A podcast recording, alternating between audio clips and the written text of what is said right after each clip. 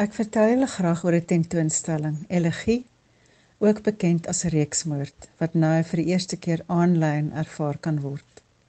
Die oorspronklike fisiese uitstallings daarvan het plaasgevind in 2011 by die Universiteit Stellenbosch Kunsgalery en net daarna in 2012 by die KAK&K in Oudtshoorn. Maar eers meer oor die agtergrond.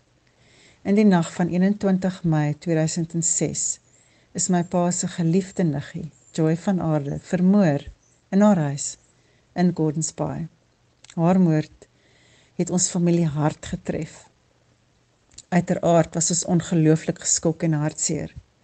Toe die moordenaars om borgtog aansoek gedoen het, het ons protes aangeteken daarteen buite die hof.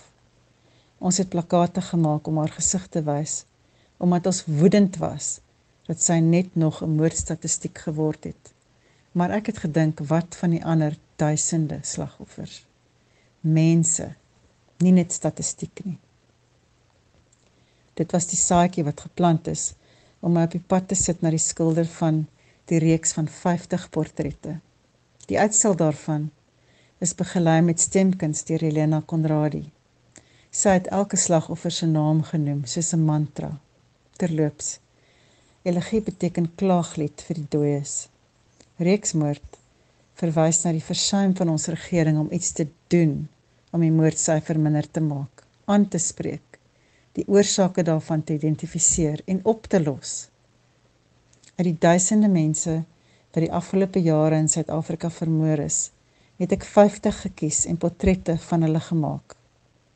Destyds was 50 die minimum aantal mense wat in Suid-Afrika op 'n daaglikse basis vermoor word.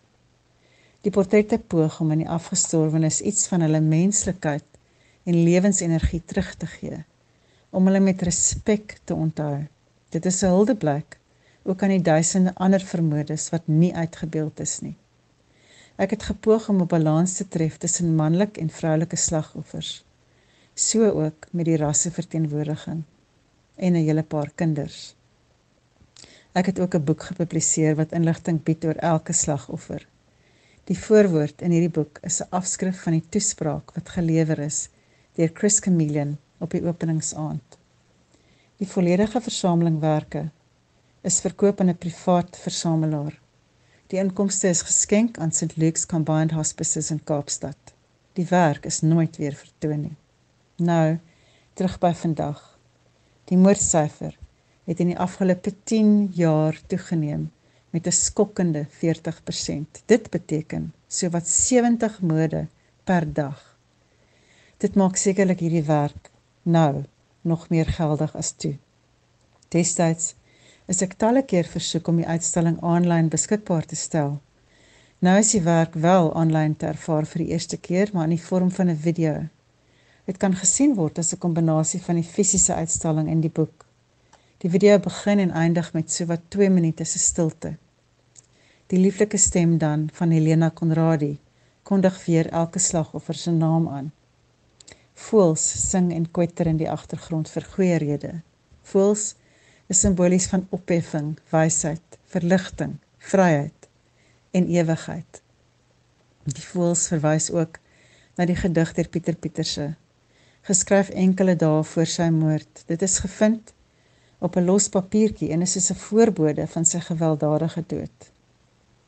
Hierdie bloed wat in die aar langs my elmboog klop, sal eendag gaan staan. Die aar sal nie weer klop nie.